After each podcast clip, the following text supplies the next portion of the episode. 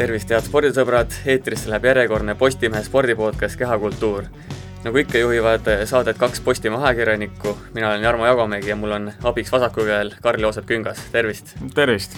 aga ärge muretsege, tänagi pole me siin vaid kahekesi ja seekord oleme siis külla kutsunud mitmevõistleja David Tšernovski, kes hiljuti tõusis väga väärikasse seltskonda, tere Taavi! tervist! ja põhjus, Taavi, miks sa siin oled, ilmselt sa tead, et kogusid eelmisel nädalal Rakveres kümnevõistluses kaheksa tuhat kaheksakümmend kuus punkti ja, ja võib-olla siis eh, siit olekski hea sellega alustada, et et eh, räägi, kuidas see mitmevõistleja keha pärast kümnevõistlus käitub, ehk et kuidas sa praegu viis päeva hiljem ennast tunned?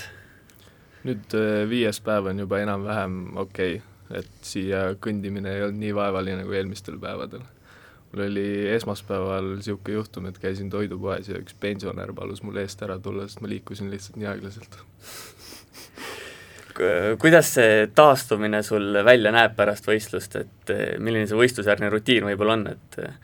kui nüüd laiemalt rääkida, mitte kohe pärast võistlust võib-olla? vaatasin oma nutikella pealt välja, siis ma kahe päeva jooksul tegin viiskümmend tuhat sammu, siis eh, järgnevad kolm päeva tuli nagu kolme päeva peale kokku kaheksa tuhat. ehk siis väga palju lihtsalt lamad voodis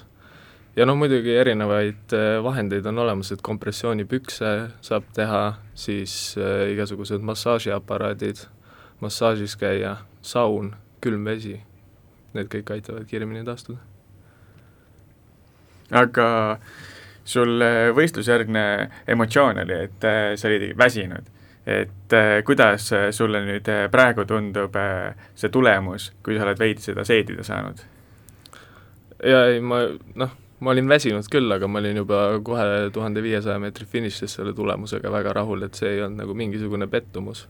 kuigi me rääkisime enne jooksu, et võiks ikkagi püüda seda kaheksa tuhat ühtsadat punkti, et seal eh, mitmed mehed olid täpselt selle piiri taga, näiteks Karel Tilga ja Andres Raja, et nende rekordid olid täitsa püütavas kauguses, aga tuhande viiesajas jäi kõik rajale, et endal oli ka natuke imelik tavapärasest kaheksa sekundit aeglasemalt joosta, aga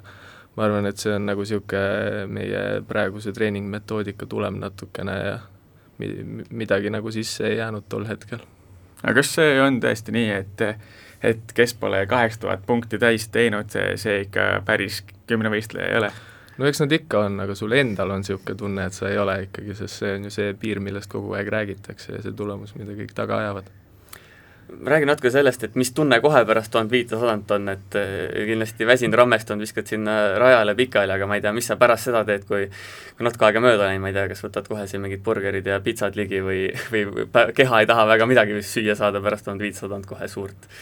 Äh, no ma võin rääkida, mis me peale Rakveret tegime, me läksime otse Viitna järve ujuma, seal oli hea külm vesi, mis jahutas ja siis, siis läksime burgerit sööma küll jah, sest siis oli juba tund aega möödas ja kõht oli üsna tühi kui raske sul seal Rakveres oli, sa ütlesid, et tahtsid kaheksa tuhat ühtsadat tegelikult, eh, kui raske oli ennast nii-öelda, ma ei tea, motiveerida kokku võtta tuhande viiesajaks, et ma ei tea, tegelikult kaheksa tuhat oli sel hetkeks juba, juba vormistamine? ei, ma peale odaviset kohe nagu läksin, viskasin pikali ja valmistasin ennast ette, et ma lähen ikkagi jooksen nii kiiresti, kui tol päeval veel sees on ja ja ma arvan, et see õnnestus, et kui videost vaadata seda tuhande viiesaja meetri finišit, siis seal jooksutehnikast ei olnud enam haisugi, et mees lihtsalt läbi tahtmise kõndis finiši poole aga kui, kui raske on üldse ennast eh, nagu valmistada selleks tuhande viiesajaks, et eh, see on päris paljude kümnevõistlejate jaoks ikkagi niisugune mitte kõige lemmikum ala? no mul ei ole õnneks tuhat viissada kunagi halb olnud, et ma olen kolm-neli korda vist jooksnud neli kolmkümmend üks, mis on ikkagi päris hea mitmevõistleja kohta, aga kuna mul oli hästi palju Achilleuse kõõlustega enne võistlust probleeme ja peale neljasaja meetri jooksu, siis mul tõmbas äh, sääred nagu väga tugevalt, äh, tugevalt täis ja, ja enne juba teivashüpet tekkisid mingid kergemad spasmid sinna. ehk siis niisugune äh, väike hirm oli pigem, et, et midagi juhtub, et tõmbadki krampi ja kägid oma võistluse siin viimase alaga ära, et mul on, mul on see kogemus ka olemas, kus ma tuhande viiesaja meetri jooksus jõuan kakskümmend, kolmkümmend meetrit joosta ja siis olen muru peal välja väänatud hüppeliigesega maas. võtakski selle Rakvere võistluse võib-olla natuke rohkem luubi alla, et et seda väga nagu suurelt ei, seda võistlust ei nii-öelda reklaamitud, et tulemusi sai ka ainult ERR-i spordi kaudu põhimõtteliselt ja need nägid, kes kohal olid, et ma ei tea, seal esimesel päeval vist oli korralik ilm enam-vähem ja teine päev sadas vihma, et äh, räägi natuke, mis olud seal olid kahe päeva jooksul? Esimene päev oli meil ainult äh, kaugushüppes kerge vihm, aga samas meil oli seal väga soodne taganttuul, ehk siis see vihm kohe kindlasti meid ei seganud aga teine päev oli niisugune väga klassikaline Rakvere mitmevõistluse päev, kus vist eh, kaheksa korda päeva jooksul sadas vihma ja kui ei sadanud, siis oli väga okei okay,, pluss, pluss kakskümmend ja päike väljas. Äh, mis üldse kümnevõistleja jaoks selline ideaalne ilm on, kui saab, kui saab nii öelda, et kümnevõistleja peab vist olema suht terasest ja kõike kannatama, aga, aga mingid eelistused ikka on, ma kujutan ette? no ilmselgelt päike võiks paista, mitte liiga tugevalt, alati tagant tuul ja tuhande viiesajas ei ole küll selle vastu midagi, kui vihma sajab, see ainult jahutab aga niisugune leitsak, nagu siin vahepeal oli, ma ei ole, a la kolmekümne ringi, see on ka vist natuke liiast ikkagi, jah? jaa, siis oli juba treeninguid oli päris raske teha, kui me trennis teeme võib-olla ühte-kahte a la pooleteist tunni jooksul, siis sa ikka, ikka tunned, kuidas see päike sind äh, korralikult läbi tõmbab äh,.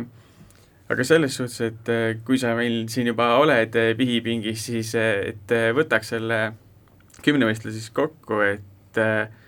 et nagu alade kaupa, et millega sa nagu kõige rohkem rahule jäid seal? kõige rohkem ilmselt odaviskega. mul on äh, eelmise aasta aprillist alates on õlg olnud valulik ja seganud nii teivashüppetrenne kui odavisketrenne kui üldse mingisuguseid ülepeaharjutusi ja sain just natuke enne siis seda eriolukorra algust äh, MRT vastused kätte ja siis selgus, et äh, õla ühes siis kõõluses on äh, väike rebend. ehk siis mul tuli kohe seda hakata ravima ja kõiksugused visked ja hüpped ja asjad ära unustada, selleks ajaks teivashüpe siis ma mõtlen. ja ma olin enne võistlust arvestanud, et üle viiekümne on hästi, viiskümmend viis on maksimum ja siis esimene katse tuli täiesti okeilt välja, väga palju jõudu sisse ei pannud, kuskil viiekümne viie meetri peale ja siis teisel katsel juba natuke rohkem riskisin, nii et seal viiskümmend üheksa lõppu visata oli nagu ilmselt kõige suurem üllatus, kuigi see ei olnud mu rekord, aga aga selles mõttes, et see teekond, mis sinna oli nagu siis, see oli kõige, kõige rahuldavam tulemus. Võib-olla lähekski algusest peale ka veel, et ma ei tea, võtaks selle anatoomia kokku, et mida on kaheksasada kaheksakümne kuue jaoks vaja, et ma ei tea, saja meetri jooks kümme üheksakümmend kaheksa, et pole ka nagu selles mõttes kehv, kehv aeg üldse mitte. jaa, sprinter ma ei ole kunagi olnud ja väga kiire mees, aga siin talvehooajast saati ma olen hästi palju oma jooksutehnikaga vaeva näinud, ma olen jõudu juurde teinud, mis, mis on väga hästi jooksu üle kandunud. et ma tegin kuuekümnes meetris talvel hea rekordi ja selle pealt ma kindlasti ootasin, et ma alla üheteist sekundi jooksen ma tean, et äh, kuskil statistikas on kirjas mul niisugune aeg nagu kümme üheksakümmend kuus, mis on kahe tuhande kuueteistkümnendal aastal joostud, aga see oli niisugune väga kahtlane võistlus ja kõik on kindlad, et seal midagi läks valesti, sest äkitselt jooksid kõik mehed null koma kaks, null koma kolm kiiremini kui tavaliselt. et minu jaoks enne seda võistlust oli mu rekord ametlik üksteist kaheksateist. ehk siis sealt nüüd kaks kümnendikku maha võtta, see oli see, mida ma trennide pealt ootasin muidugi ei olnud kõige ilusam jooks taas, et eh, kuna viimastel nädalatel väga kvaliteetset trenni oma jälle kõõluste pärast teha ei saanud, siis, eh, siis ma tundsin, et esimese kuuekümne meetriga tuleb kõik panna ja siis lihtsalt teistest meestest kinni hoida ja küll nad mu lõpuni veavad. mis saja me-, saja meetri kohta kõlab natuke imelikult, et seal on vaja ka lõpuni vedada, aga, aga on see kümme üheksakümmend kuus kõlab umbes nii, nagu see Lailsi jooksja oli, et jooksis viisteist meetrit vähem umbes jah, vast nii palju ei ole isegi vaja, et nii palju kiiremini saada, aga see Lailsi jooks oli jah, väga, väga huvitav juhtum, et si-, sihukeselt võistluselt ei oota, et nagu sellised asjad juhtuvad kaugushüpe seitse kakskümmend kaks, isiklik rekord, tegelikult ei kõla nagu väga selline kõva tulemus, seitse kakskümmend kaks just, et võiks justkui nagu varu olla või? Ilmselt seal on varu jah, sest äh, kauguses me leppisime kokku, et kohe, kui seitse kakskümmend pluss ära tuleb, siis need on need punktid, mis meil vaja on ja siis me jätame pooleli, et kolmandas voorus ma hüpet ei teinud ja mm -hmm. ideaalselt ma oleks nagu tahtnud esimesel katsel kohe seitse kakskümmend kirja saada ja siis selle kaugushüppega ei taha öelda see on siis see, nende nii-öelda jalgade ja väikeste vigastuste pärast? just, me tahtsime nagu võimalikult palju hoida, sest sa tead, et sul on kaheksa ala veel tegemas, sa ei lähe siis teisel alal kohe maksimumi endast panema mm,. kuulitõuge jälle isiklik rekord, viisteist, kolmteist. jaa, kuulitõukega on viimasel ajal hästi läinud, see on ka ilmselt selle suurema jõu tegemise pealt äh, tulnud. treener on veendunud, et viisteist pool võiks mu tulemus see hooaeg olla ja ma arvan, et seda ma veel ilmselt taga ajan, et see viisteist, kolmteist oli igati oodatud. Jaa, kõrgushüpe üks üheksakümmend viis, intervjuus ütlesid mulle ka, et niisugune Hilluse kand on ja vaatasin, et kahekümnesed hüppasid juba üks üheksakümmend seitse, et on kuidagi toppama jäänud see asi jah, kõrguses on ka liiga palju igasuguseid jamasid olnud, mis nagu hästi hüpata ei lase, et mingi hetk ma lausa pidin kõrgust hüppama ainult kolme sammu pealt, sest mul oli põlvekõhretega probleemi, hüppajapõlv sinna juurde, siis mingi hetk ma murdsin oma selle hüppeliigese ära. Et eh, need on asjad, mis, mis segavad paratamatult kõrgushüpet. et eh, selle meeter üheksakümne kuuega ma olin seal väga rahul ja tegelikult mul olid päris lubavad katsed kahe meetri peal ka mis, mida kunagi enne mul ei ole olnud. aga jah, kui ma saaks euro iga korra eest, kui keegi vanem treener või vanem härra mulle ütleb, et sinusugune pikk poiss peaks kaks meetrit iga kord hüppama, siis, siis ma ei peaks mitmevõistlust tegema ja raha oleks piisavalt ja nende vigastuste juurde veel täpsemalt jõuame, aga ma ei tea, kas need, kas need vigastused jäävad sul nii-öelda krooniliseks ka igaveseks segama või on võimalus neid ikkagi lahti saada ja saad hüpata normaalset kaugust ja kõrgust ka mingil hetkel? Äh, kui nendega pidevalt tegeleda, teha neid harjutusi, mis mu abikaasast füsio mul käsib teha, ja, ja neid ravida ja õigel ajal puhkust anda ja õigel ajal jaole saada, kui see põletik jälle hakkab kogunema, siis, siis on võimalik nendega kindlasti ka see kaks meetrit ära hüpata ja seitsme viiekümne juurde kaugust. staadioni ring nelisada nelikümmend üheksa, kolmkümmend viis lõike me jõudsime hästi palju koroona ajal joosta ja siis sellepärast ma väga ei muretsenud, et ma selle ringi hästi jooksen, et mul on äh, nelikümmend üheksa null on rekord, mis ei ole mitmevõistluse sees joostud ja tavaliselt mitmevõistluses sa ei oota, et sa jooksed nagu sama aja, mis sa siis teed nii, kui sul ei ole neli jala ette tehtud. nii et nelikümmend üheksa, kolmkümmend viis oli niisugune, ma pigem nautisin seda lõpusirget, et, et täitsa, täitsa kerge oli see välja jätta, et järgmisel päeval, kui sa ärkasid, siis sääred olid täiesti sodid sellest kuidas see nelisada on, et öeldakse ikka, et kümnevõistlejal jääb esimese päeva lõpp ja viimase päeva, teise päeva lõpp meelde, et eh, nelisada on lihtsam ikka kui tuhat viissada või tegelikult võib isegi raskem olla? ja neljasajas ma ikkagi suudan eh, finišist üle tulla ja mitte pikali visata ja edasi jalutada, tuhande viiesajas ei ole siiamaani veel seda juhtunud. no teist päeva alustasid kohe ka isikliku rekordiga, et eh, tõkkejooksus neliteist kuuskümmend üheksa, et kirjelda seda no tõkketrennid meil on väga kvaliteetsed olnud, et trennikaaslane Risto Lillemets on, on ka väga hea tõkkejooksja ja me ise mõlemad tunneme, et see niisugune neliteist pool ja alla selle me oleme juba võimelised jooksma, aga ma ise kuidagi läksin võib-olla liiga kindla peale, kui ma teadsin, et esimene päev on väga hästi läinud, et siis ma ei lähe riskima tõkkejooksus natuke sa pead minema äh, suurema riskiga ja ülbemalt peale, et, et väga head aega joosta, aga neliteist kuuskümmend üheksa oli, oli juba rohkem, mis ma endale telefoni kirja panin, mis kaheksa tuhande jaoks on vaja, nii et ma olin, olin rahul sellega ja läksin järgmisele alale edasi. aga järgmine ala, siis kettaheide oli ikka üpris raske vihmase seal heita, sest nelikümmend kuus, viisteist ei ole sugugi halb tulemus selle kohta. me võistlesime seal Lääne-Virumaa meistrivõistlused individuaalaladel olid samal ajal ja meil oli ketteheites kakskümmend viis võistlejat äkki. seepärast võttis meil soojendus rohkem aega, kui oleks pidanud, me läksime viisteist minutit ajakavast üle, nii et soojenduse lõpuks tuli täpselt vihm peale ja ring läks täiega märjaks. ja mul isiklikult märjaringiga on väga keeruline heita, sest ma olen ketteheites noorest saati üsna hea olnud, ma olen hästi kiire heitja ja kui sul esimesel pöördel jalg võib iga hetk alt ära minna, siis see tõmbab sind nii palju tagasi, et see hakkab nagu hete, heitetehnikat natukene häirima. nii et esimese katse ma tegin väga kindla peale, see võis niisugune nelikümmend kolm pool, nelikümmend neli olla, ja siis teiseks katseks, see oli see vaheldumisi päike, mis vahepeal välja tuli, suutis selle ringi alguse nii hästi ära kuivatada, et siis teisel katsel oli võimalik juba rohkem riskida. ja kolmandal katsel jälle sadas, nii et kolmas katse vist oli tegelikult kõige pikem, nii et ma arvan, et vihmas oli see mu jaoks rekord. aga üldiselt oli kettaheide see ala, milles ma kõige rohkem võib-olla selle kümnevõistluse jooksul pettunud olin, sest ma olin seal kas äkki kolm-neli nädalat tagasi ma heitsin viiskümmend, kaheksakümmend oma rekordiks ja trennides ma olen stabiilselt kogu aeg üle neljakümne kaheksa heitnud, nii et jah, imelik öelda, aga nelikümmend kuus oli pettumus äh,. Teevas hüppes said kirja siis neli kaheksakümmend, et äh, räägi sealt, et eh, kas oleks võinud ka viiemeetrist eh, hüpet oodata sealt?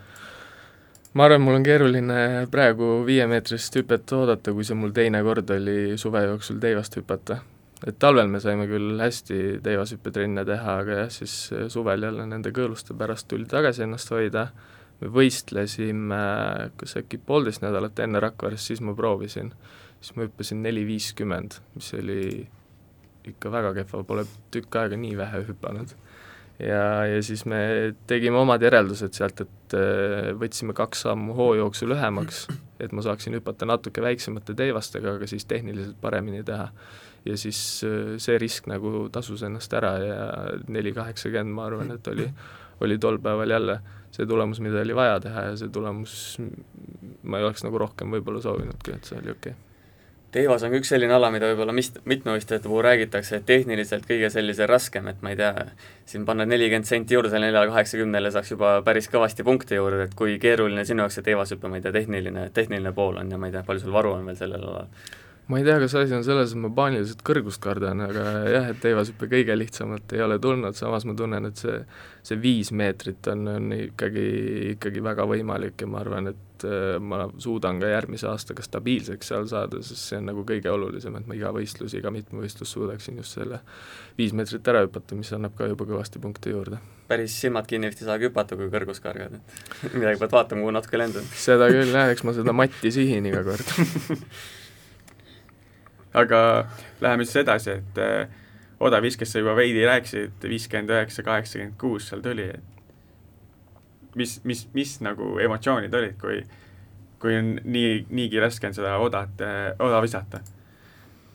ei, emotsioon oli hea, seal oli see huvitav, et meil ei mõõdetud peale igat vooru tulemust ära. Et äh, seal tehti kolm katset ära, sul pandi see märk maha, kui viskasid kaugemale, siis tõsteti märke ka kaugemale. ehk siis äh, peale igat katset oli esimene pilk kohe tribüünile, kus sõbrad ootasid ja siis ootasin neid käemärke, et kas kõik on okei okay ja kas, kas on vaja veel visata ja kas on vaja kaugemale visata aga niisugust olukorda on üldse varem olnud ka sul, et et kus ei mõõdeta pärast igat katset seda tulemust? mitmevõistlused vist ei ole, aga, aga tihtipeale Eesti erinevatel üksikkalavõistlustel niimoodi tehakse, et pannakse märk maha, siis käid ise külje pealt ka vahepeal piilumas, et kaugel on ja palju on ju juurde vaja panna. aga mis see silmamõõt üldse on, ise saad ka enam-vähem aru, mis see suurusjärk on või ikkagi peadki? ütleme, et kui sa sealt, kui ma sealt joone tagant vaatasin, siis ma ikka aru ei saanud, siis ma arvasin, et see on kuskil viiekümne viie peal aga kui sõbrad seal kaugemal tribüünil, kes olid täpselt külje peal hulgama hakkasid, siis, siis sain nagu aru, et ju ta, ju ta natuke kaugemal on. ja siis on äh, jäänud siis tuhande viiesaja meetri jooks, et äh, nel-, neli, kolmkümmend üheksa, seitsekümmend kuus, et äh, pole paha, võib öelda vist, nagu arvestades olusid. jah, noh, olud ilmselt ei seganud, sest nagu ma ütlesin, et kui vihma sajab, on väga hästi, tuhande viiesajas vihma sadas, see oli, see oli olemas aga ma olen aasta jooksul hästi palju hakanud jõudu rohkem tegema, niisugune mehe moodi jõutrenne, ja niisugune neli-viis kilo on juurde tulnud, et äh, võib-olla seda, seda suurt keret oli täna või tol hetkel natukene raske vedada seal kolm, kolm ja pool ringi. Ja kokku teebki siis kaheksa tuhat kaheksakümmend kuus, et äh, ma ei tea, paranda mind, kui ma eksin, aga aga sa vist oledki enam-vähem nagu kõiges selline enam-vähem stabiilne, et ei ole, ma ei tea, Erki Nool, kes viis kuuskümmend ja tema ala tuleb seal teivashüppes, et et enam-vähem kõike teed. ja niikaua, kui mul seitse tuhat kaheksasada rekord oli, siis ma ütlesin kõigile, et ma olen igal alal stabiilselt kehv, et siis nüüd, nüüd ma julgen öelda, et ma olen igal alal stabiilselt hea mõned arvud veel ette lugedes, siis seitsmeteistkümnes Eesti kümnevõistleja, kes kaheksa tuhat ületanud, Eesti edetabelis viieteistkümnes siin Margus Kasearu ette ja Karel Tilga järele ja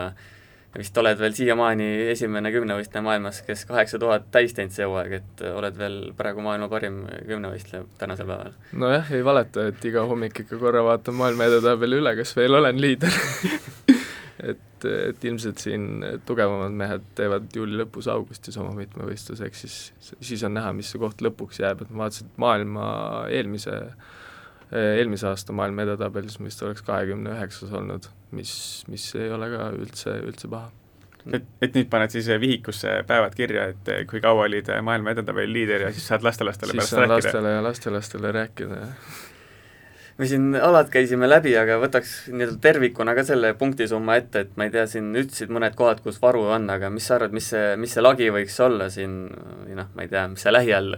järgmine see punktisumma on, mis sa koguda tahaks ja kust võib-olla kõige rohkem saaks juurde panna, ma ei tea, siin kaugus ja kõrgus natuke said räägitud võib-olla teivas ka? no ma peale seda mitmevõistlust kohe siis tegin ka nagu kiire kokkuvõtte, siis ma tundsin, et esimesel päeval viiskümmend, kuuskümmend punkti, just siis kahe viimase ala pealt võtta veel ja kauguse pealt ka, kui siis seal riskile minna. ja teisel päeval jäi kindlasti sada punkti sisse, ehk siis hakkab juba niisugune kaheksa tuhat kakssada, kaheksa tuhat kolmsada juurde lähenema. aga praegu vaadata mu mitme või kõik need äh, alade rekordid annavad kokku kaheksa tuhat kolmsada kolmkümmend, ehk siis on natuke palju loota, et sa teed kohe mingi kaheksa tuhat kolmsada seal, sest ilmselgelt su rekordid on tehtud kuskil individuaalaladel, kus sul ei ole seitse või kaheksa ala võib-olla ette tehtud ja sul ei ole niisugust väsimust, mis mitmevõistluses on. see aasta sa enam kümnevõistlust ei tee, nagu ma aru sain, jah? jah, see otsus on ka puhtalt sellepärast, et et me leppisime kokku, et kui ma kaheksa tuhat ära teen, siis see on see tulemus, millega me see hooaeg oleme rahul, et ma olen ennast näidanud, ma olen jälle pildil ja nüüd ma saan rahulikult ennast siin kahe-kolme kuuga terveks, tervemaks ravida ja siis äh, hakata ette valmistama järgmisteks hooaegadeks, kus siis loodetavasti on juba mingisugused tiitlivõistlused ja mingisugused normid, mida taga ajada. nii et selles mõttes, et äh, et järgmised suuremad võistlused on äh, Tokyo olümpia ja kergejõustiku mm, mis edasi nüüd lükati vist kahe tuhande kahekümne teise aastasse, et et neist esimesega vist sa väga, väga ei unista, kuidas lugu selle teisega on, et ma ei tea, kas mõtled sellele, nendele asjadele ka või pigem on see, ma ei tea, EM esialgu? nojah, see hooaeg ikkagi enne kogu seda pandeemiat, siis me ikkagi mõtlesime EM-ile, selle norm oli seitse tuhat kaheksasada viiskümmend, kui ma ei eksi mm, -hmm. see oleks kuhjaga täis. aga Eesti mitmevõistlus on nii, et, et et kui sa, kui sa Eestis oled eesotsas, siis sa oled maailmas ka eesotsas jaa, vigastustest on juba räägitud, et lähekski natuke täpsemalt äh, selle juurde, et sa siin äh, kerge loetelu juba tegid, aga aga on sul palju probleeme olnud ja ma ei tea, hakka kuskilt otsast peale, millal sul see jada hakkas, mis sul on olnud ja kuidas see sulle mõjunud on, need sulle mõjunud on? kaks tuhat üksteist mul oli esimene suurem äh, võit või saavutus, kui ma noorte maailmameistrivõistlustel kaheksa võistluses olin kuues sellele, kui ma ei eksi, eelnes üks hüppeliigese murd ja randmeluu murd. siis äh, oli vahepeal kaks tuhat üksteist hea aasta, kaks tuhat kaksteist aasta oli mononukleoosi aasta, kus, kus ikka tulemused läksid selle tõttu tohutult alla äh,. Kaks tuhat kolmteist olid probleemid seljaga kaks tuhat neliteist oli juuniorite mm, kus ma vist olin kokkuvõttes üheksas, mis ei olnud üldse halb tulemus, aga sellele eelnes eh, ühe hüppeliigese väljaväänamine enne võistlust, teise hüppeliigese väljaväänamine võistluse ajal ja lisaks saja meetri finišis saadud äh, liha või nahahaav eh, kaasvõistleja naelikust, millega oli vaja üheksa ala lõpuni teha kaks tuhat viisteist oli jälle natukene parem aasta, siis me saime superliigas võistkonnaga kolmanda koha ja siis tegin seitse tuhat seitsesada punkti esimest korda. kaks tuhat kuusteist murdsin hooaja alguses varba, mis segas, segas kogu hooaega ja tol, tol ajal siis head tulemust ei tulnud. kaks tuhat seitseteist äh, läks natuke rõõmsamalt, siis sai juba korralikumat trenni teha ette valmistatud ja tänu sellele ilmselt ka siis kaks tuhat kaheksateist tuli, tuli rekord, mis siis varasemalt mul oli seitse tuhat kaheksasada seitsekümmend kolm punkti. Ja kaks tuhat üheksateist aprillis oli siis see mitmevõistlus, kus ma tõenäoliselt esimest korda oma õlga ja õlakõõlust vigastasin ja tuhande viiesajas siis, nagu ma varem mainisin, jõudsin kolmkümmend meetrit joosta ja siis eh, seal trügimise käigus astusin kellegi jala peale nii õnnetult, et jälle hüppeliigese ära lõhkusin ja siis, eh, siis me avastasime, et mul on ka Achilleuse kõõlustega probleeme ja lisaks sellele siis mu katkisele hüppeliigesele tuli neid hakata ravima. ja siis nendega siis kaasnes teadmine, et see on niisugune asi, mida sa päris saja protsendi peale tagasi ei saa, aga võib-olla ei olegi vaja, et üheksakümnest protsendist äkki piisab need vigastused ei lähe päris sinna kategooriasse ka, et kümnevõistleja peabki hästi valu taluma ja kogu aeg ongi raske, et need on ikkagi vähe, vähe tõsisemad asjad, nagu ma aru saan. jah, ja need vigastused on nagu selles mõttes on natuke kahju, et nad nagu tekkinud on, et äh, just see kõõluste probleemid, et me oleme treeneriga kümme aastat nüüd just sai koostööd tehtud Art Arvistoga ja me oleme algusest peale rõhunud sellele, et hästi palju jälgida, et kuna raja peal võib olla mingi hetk liiga palju treeninguid ja võib tekkida ülekoormus, siis me oleme kogu aeg vaadanud seda, et me teeksime pehmetel pinnastel ja hästi targalt trenni ja ikka mingil põhjusel on mul need probleemid tekkinud, ma küsisin ühelt arstilt ka, et mis värk on, et kui me oleme nii palju seda asja jälginud, siis justkui ei tohiks, mille peale öeldi, et ühel mehel on head kõõlused ja teisel on kehvemad, ma sain kehvemad kui raske on üldse äh, nii vaimselt kui ka füüsiliselt äh, vigastustest taastuda, et see nimekiri on ikka äärmiselt pikk, mis on olnud, ja siis äh, sa tuled uuesti rajale ja sa saad uuesti vigastada, et kui nagu keeruline see on sul, sinu jaoks? ma arvan, et viimastel aastatel on juba mingi immuunsus tekkinud selle vastu, ehk siis sa juba tead, kuidas, kuidas sellega käituda, varasemalt oli see, et sa tahtsid hästi kiiresti rajale tagasi saada ja kiirustada ja võib-olla ei ravinud äh, korralikult välja, siis äh, nüüd sa tead täpselt, et sa vaatad järgi, palju tavaline taastumine mingisugusel antud vigastusel on, arvestad võib-olla nädal aega sinna veel otsa, teed kõik vajalikud äh, füsioharjutused, kõik vajalikud taastumised ära ja siis hakkad vaikselt-vaikselt pihta, ehk siis need viimased vigastused selles mõttes ei tekita enam mingisuguseid emotsioone. alguses kõvasti siis morjendas sind, jah? jah, kindlasti kindlasti, et äh, sportlane tahab kogu aeg staadionil võistelda, mitte staadioni kõrval vaadata teisi võistlemas. küsiks selle peale üldse, et miks sa, miks sa ennast piinad niimoodi, kui sa kogu aeg vigane oled, et miks sa teed seda kõik? ma ei anna alla et mingi hetk ka võib-olla kunagi TV10-s kohe, kui küsiti, et mis eesmärgid on ja et oo olümpiale ja ülikõva tulemus teha, et kõik Erki Noole rekordid ja asjad, siis need vigastused paratamatult äh, nagu tõmbavad su neid ootusi ja lootusi ja unistusi natuke alla ja siis mingi hetk oligi viimastel aastatel unistus, et teeks vähemalt kaheksa tuhat ära. samas nüüd on kaheksa tuhat tehtud, siis kohe mõtled, et ma saaks veel rohkem, nii et lähme aga edasi. sa meenutad olemuselt ja välimuselt ka natuke korvpalli Janar Sood, kellel oli vist ka umbes kolm põlveoppi ja, ja nii edasi, et tema oli ka umbes niisugune, et kunagi alla ei taha anda, aga see on ikkagi enne kolmekümnendat pidi, pidi ära lõpetama, et enam jalad väga ei kandnud, et korvpalli mängida, et loodan, et sinuga nii ei lähe, et see on huvitav, ma käisin isegi kooli ajal eh, Rapla meeskonna treeneri selleks töövarjuks. Ja siis ta rääkis mulle ka Janar Soost, kuidas see vend lihtsalt nagu on igasugust tulest ja veest läbi käinud ja ikka paneb edasi, nii et võib-olla on jah, tõesti mingi sarnasus. Äh, ütlesid ka kahekümneselt tegelikult juba tegid seitse tuhat seitsesada punkti ära, et äh, põhjus, miks see, miks see nii-öelda järgmine suurem samm alles nüüd tuli, ongi siis ilmselt vigastused, jah? tõenäoliselt küll, jah. et, et mingid vigastused on nagu niisugune ebaõnnega ka tulnud, et muidugi ma juba lootsin, et ma teen kaks tuhat kaheksateist siis lõpupoole selle kaheksa tuhat ära ja siis ma lootsin, et ma teen kaks tuhat üheksateist alguses selle ära ja nii ta edasi nihkus, et vähemasti nüüd on tehtud Äh, Eesti spordis üld, üldiselt räägitakse palju sellest, et raha ei ole, et äh, kuidas äh, sinul on sellega, et on nagu piisavalt vahendeid, et saada rahulikult sportida? noorena ja suuresti tänu treenerile me leidsime sponsoreid Salva kindlustusega eesotsas ja nüüd ka Värska originaal ja neid on veel palju, kes on hästi palju toetanud ja näinud minus potentsiaali. et et äh, nüüd kohe peale võistlust sai, sai neile ka kirjutatud ja tänatud, et neil ikkagi usku oli. Äh, muidugi ma teen äh, lisaks juurde ka treeneritööd Erki Noole spordikoolis, lisaks käin Nõmme Unitedi jalgpalliklubis jooksutehnikat noortele õpetamas, et niimoodi on võimalik ikkagi ots otsaga kokku tulla. et päris nagu äh, ainult spordiga siiski tegeleda ei saa, et sa pead ikka midagi, midagi muud ka tegema. jah, samas see treeneritöö, mis ma praegu teen, siis ma, ma ei võta seda kui tööd, et, et mulle meeldib spordi sees olla ja kui ma saan teistele edasi õpetada seda, mis ma ise õppinud olen, siis siis, siis see minu jaoks ei ole töö võib-olla see isegi tuleb kasuks, et ma ei tea, mõned profisportlased ainult spordile keskenduvad, siis võib-olla mõtledki natuke üle, et kui sul on selliseid, ütleme, mõnusaid vaheldusi, mis sind ka liikumises hoiavad, siis võib-olla ei olegi nii halb. ma usun küll, jah, ma olen ka alati mõelnud, et mingi hetk on vaja ennast vahepeal natuke spordist eemale hoida, siis see pigem ju tekitab isu juurde ja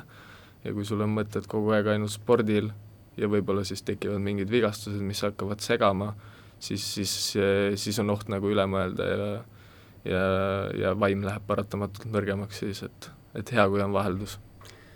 jõuakski sinna treeningjuttude juurde nüüd, et äh, räägi, kellega sa trenni teed, kus kohas, kui palju, mida teed? treener on Art Arvisto, just täitus kümme aastat, tähistasime kaheksa tuhande punktiga trennikaaslased on Kristjan Rosenberg, kes eelmisest aastast on kaheksa tuhande punkti mees ja Risto Lillemets, kes loodetavasti augusti alguse Eesti meistrivõistlustes saab kaheksa tuhande punkti meheks, siis ma julgen väita, et meil on kõige kõvem Eesti kümnevõistluse treener ja kõige kõvem siis punt Eestis, kes treenib.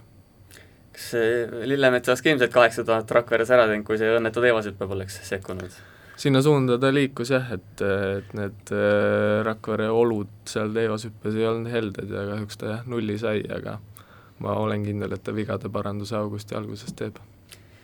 siin ütlesite, et kõige kõvem kümnevõistluste punt Eestis, kõige kõvem treener, et kas naljaga poolest võib küsida, et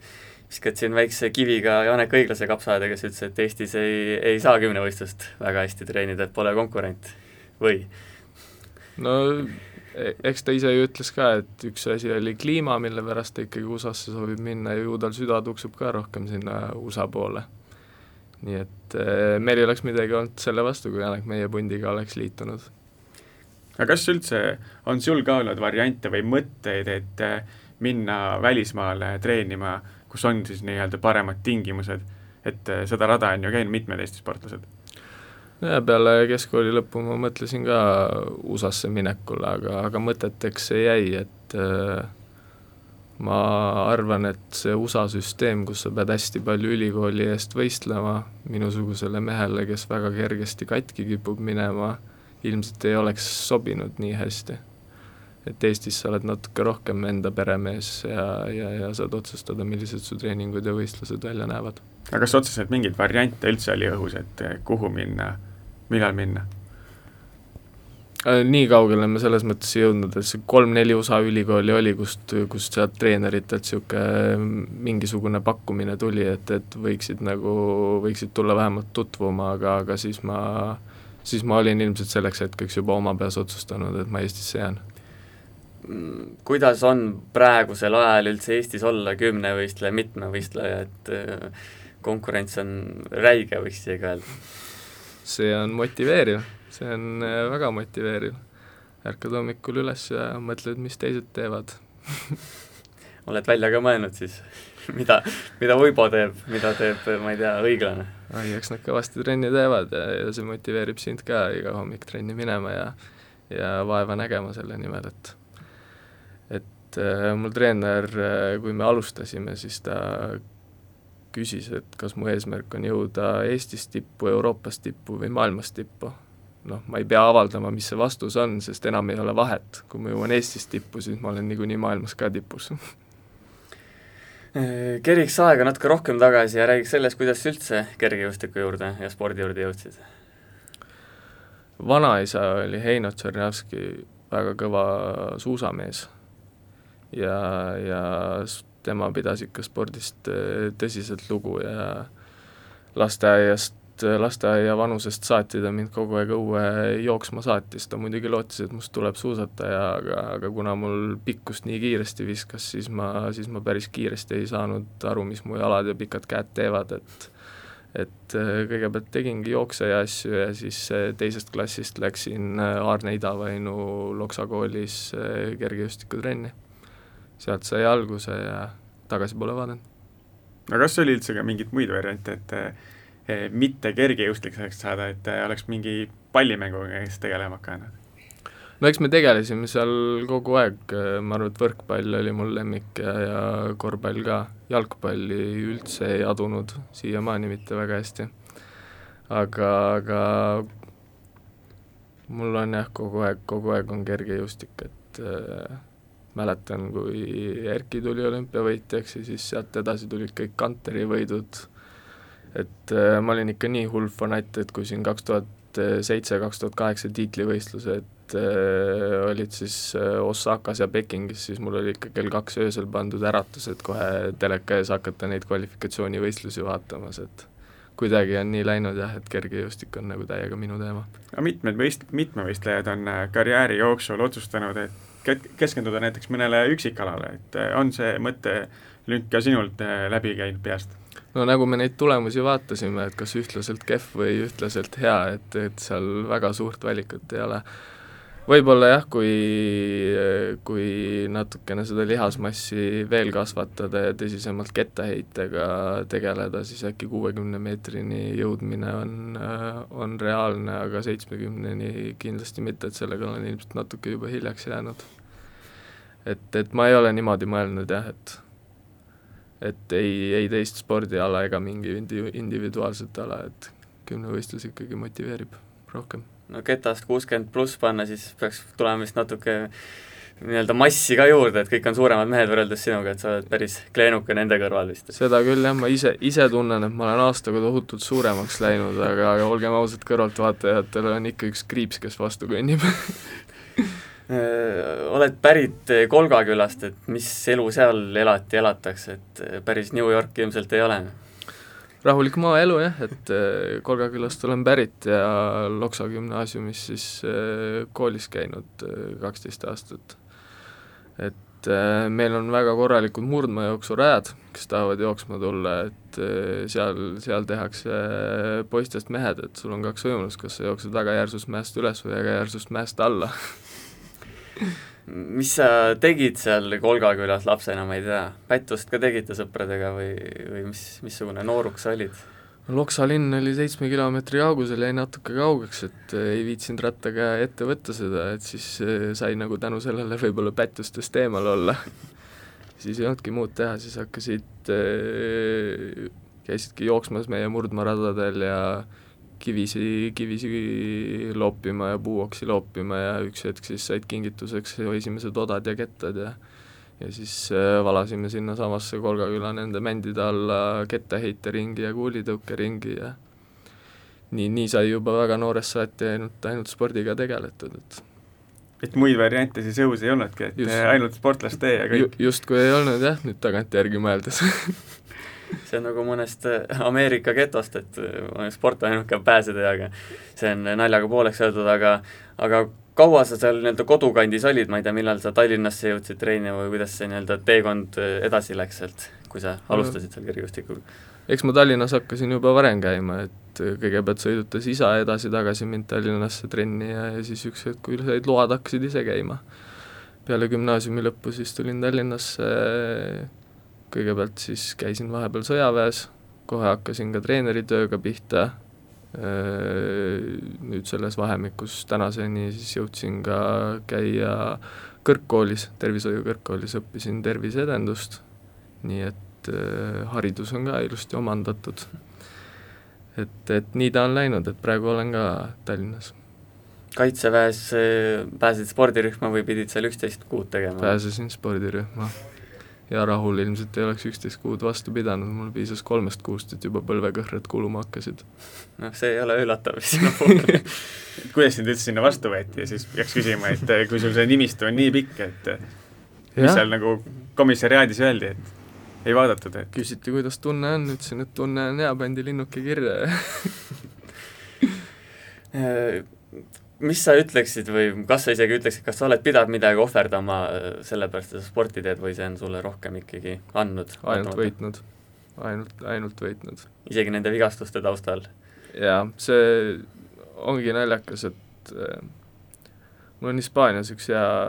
hea tuttav kümnevõistleja, kes on huvitaval kombel minuga samal päeval sündinud ja see vend on ka igasugusest jamast läbi käinud ja tal hetkel on veel rekord äh, seitse tuhat seitsesada, siis ta kohe samal päeval küsis mult, et, et noh, et räägi, et mis tunne on, siis ma ütlesin talle, et see nagu lõpuks on kõik seda väärt. et jõuad sinna tuhande viiesaja finišisse, oled kaheksa tuhat ära teinud, et see on seda väärt, et talle ka nagu motivatsiooniks, et ikka jätkata. mida sa üldse praegusel ajal, praeguseks enda suurimaks saavutuseks pead, et kas see ongi see kaheksa tuhat punkti siis? või mõni tiitlivõistlus, kus sa oled käinud? No ma olen äh, uhke selle üle, et ma olen kolmel noorte tiitlivõistlusel käinud ja ma ei ole kordagi top kümnest välja jäänud. ja kui ma nüüd loodetavasti kunagi ka täiskasvanute tiitlivõistluste kvalifits-, kvalifitseerun, siis ma tahaks seda rida jätkata, et top kümnest mitte kunagi välja jääda. millest sa ikkagi siis unistad, ütlesid küll, et kui Eestis oled tipus, siis oled maailmaski tipus, aga ma ei tea, kui julgelt sa julged unistada? no summat äh, ma arvan, et ei ole mõtet öelda. et, et igatpidi sa tahad iga aasta minna paremaks ja seda summat järjest suuremaks kasvatada, nüüd on ilmselge, kui kaheksa tuhat on tehtud, siis järgmine peatus võiks olla kaheksa tuhat viissada. kas see tuleb, ma ei tea, ma näen vaeva, et see tuleks ja ikkagi praegu unistan, et tiitlivõistlustele pääsemine. et saaks ennast eh, seal proovile panna. No kas mingisugune, ma ei tea, medal on ka kuskil mõttes, et ma ei tea, selleks ei peagi tegema alati kaheksa tuhat viissada, et on niisugused olud ja saad kaheksa tuhande kolmesajaga võib-olla medali kätte EM-il? jah, selliseid EM-e on ju olnud ja kaks tuhat kaheksateist ma olin üks nendest meestest, kellel oli norm täidetud, aga kes pidi telekast seda EM-i vaatama ja kahjuks seal võistelda ei saanud, et seal läksid ka medalid eh, tavapärase kohta natukene väiksemate summadega. Et eh, esialgu on see, et pääseda tiitlivõistlustele, kui sa seal juba oled, siis on kõik võimalik. mis tundeid see üldse sinus sees tekitab, et sa võidki teha hea võistlusega, mingid vennad teevad ikka kaheksa tuhat kolmsada plussi ja sa ikka peale ei saa? see tähendab, et ma pean trenni minema ja rohkem vaeva nägema. aga kas nagu, nagu vei-, viha on ka sees, et niisugusel hetkel, et et sa oled justkui nagu taganud endale selle pileti, aga sa ei saa. Võib-olla kaks tuhat kaheksateist vist äh, ilmselt siis oligi, kui ma seda EM-i vaatasin ja kahjuks meie kõik kolm mitmevõistlejat, kes seal olid, katkestasid. siis oli korraks võib-olla viha küll sees, et, et äh, kurat, oleks võinud ise seal olla. ega me ei tea, mis, mis ma seal teinud oleks, võib-olla oleks ka midagi juhtunud, sest tihtipeale minuga midagi juhtub aga ma arvan, et see oli üks kord, aga muidu on see seis, mis meil Eestis on, ainult motiveeriv. Sa oled äh, praegu kahekümne viie aastane, ma ei tea, oled sa mõelnud, kaua sa sporti teed näiteks ja mis sa pärast seda teed? no meil plaan on kogu aeg olnud see, et niisugune äh, vanus kakskümmend kaheksa kuni kolmkümmend üks võiks olla see ideaalvanus, kus siis äh, teha oma elu parim tulemus et äh, ajalugu on näidanud, et siin nende Eesti kõige kõvemate kergejõustikumeeste suurimad võidud on ka just selles vanuses olnud ja parimad tulemused. nii et ikkagi sinnamaani välja vedada ja ega siis ei ole juba need veteranide klassid kaugel, et kui vähegi jalad kannavad, siis ma teen seal ka edasi, et see kergejõustiku armastus on ikkagi nii suur. seda mõtet pole vahepeal peast läbi käinud, et ma ei tea, nende vigastuste juures, et et äkki ei saagi, ma ei tea, kümne aasta pärast enam liikuda, et, et see, et see risk on ka õhus või, või pigem seda praegu see ilmselt ongi see üks asi, millele sa siis noh, et aeg-ajalt ikka mõtled, et miks ma seda teen, siis see on üks asi, kus sa kogu aeg tunned, et võib-olla see ei tasu ära. sest nagu see mõte, et sa võib-olla oledki juba neljakümneselt niisugune vend, kellel ongi pensionärid paluvad toidupoes eest ära astuda, sest sa liigud nii kuradi aeglaselt võib-olla see on üks asi, aga, aga ma arvan, et kui, kui ma olen õppinud enda keha paremini jälgima kindlasti viimaste aastate jooksul ja, ja kui ma näen, et mingisugune risk on liiga suur, siis siis, siis ma ei lähe niisama võistlema või niisama trenni. ma arvan, et nii on, nii on äh, võimalik veel, veel pikalt karjääri jätkata ja ja siis äh, kõrgemas eas ka veel kiireid liigutusi teha me läheks lõpetuseks natuke isikliku, isiklikumas ka siin natuke kroonika teemasid nii-öelda, et võtsite kahekümne kolme aastaselt naise või siis abiellusid, et julge mees pead olema või, või mis selle otsuse taga on? ma arvan, et kui ma olen inimesega tänaseks üheksa aastat juba koos olnud, siis kahekümne kolmeselt abiellumine ju tundub peaaegu et liiga hilja. Siis küll, jah. Et, et jah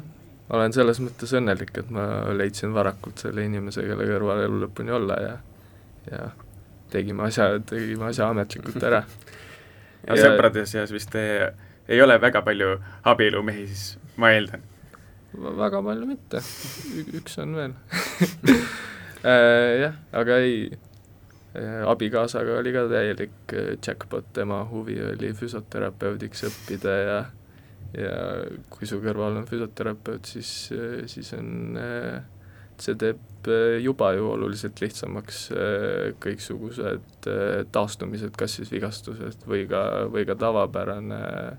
tavapärane siis hooldus. mis tema igapäevaselt teeb, töötab, kus ta, mis ta, mis ta täpselt nii-öelda töötabki füsioterapeudina nii haiglas kui siis äh, samas Nõmme Unitedi jalgpalliklubis. Mm, enne kui otsad kokku tõmbame, ma ei tea, räägi natuke nii-öelda spordivälisest elust ka, et mis, mis mees sa nii-öelda igapäevaselt oled, kui sa trennisaalis ei ole või jooksmist ei õpeta või, või või nii-öelda tööd ei tee? Äh, meil seal Pärispea poolsaare kandis, et abikaasa on Turbuneemest pärit ja seal on niisugused ilusad külad nagu Viinistu ja Pärispea ja Suurpea, noh, Kolga külale üsna lähedal kõik, et äh, mulle meeldib seal käia puhkamas, et meri ja päike, suvel hästi palju supplauaga sõitmas erinevaid matku ette võtta ja siis äh, linnas olles siis on paar sõpra, kellele meeldib discgolfis iganädalaselt pähe teha. Aga kui tihe näiteks tugitoolisportlane sa oled, et rääkisid küll, et sa siin ütleme, minevikus siis ikkagi jälgisid kõvasti sporti, et aga kui praegusel võib-olla nüüd võtan natuke vabamalt jah, et ei pane endale ööseks äratust, kui mingi tiitlivõistlus käib, saab ju järgi ka vaadata, tänapäeval on kõik mugavad võimalused selle jaoks olemas. ja õnneks mul linnas ei ole endale telekat muretsenud ka, et siis see hoiab sellest tugitoolisportlase olekust veel kaugel. Ma ei tea, siin Eestis on eh, suur rallibuum, et ma ei tea, Ott Tänakut vaatad, rallit vaatad või pigem, pigem ei, väga mitte? ise ei ole ka niisugune rallimees, et liikluses meeldib ikka rahulikult viiekümnega tiksuda nii et ei, väga palju ei vaata, aga eks ma spordiuudistes eh, ikka loen ja, ja uurin teiste alade kohta ka, et palju sa enda kohta meediast äh, loed ja ma ei tea, kommentaare tarbid näiteks, ma ei tea, kas sinu kohta midagi, midagi üldse kirjutatakse? ma arvan, ma olen nii väike tegija, et seal ei ole veel midagi kirjutada noh, loodame, et siis, et pärast tänast olukord muutub ja siin vaikselt järgmiste aastatega kasvatad ka seda, seda punktisummat ja on põhjust sinust rohkem rääkida, et kui kaheksa tuhande klubis oled, siis oled ikkagi tegija, sinna pole midagi, midagi vastu öelda, ma arvan. loodame sellega ongi hea saatele joon alla tõmmata, aitäh, et kuulasite, aitäh Joosepile, aitäh Taavile ja näeme nädala pärast! aitäh! aitäh!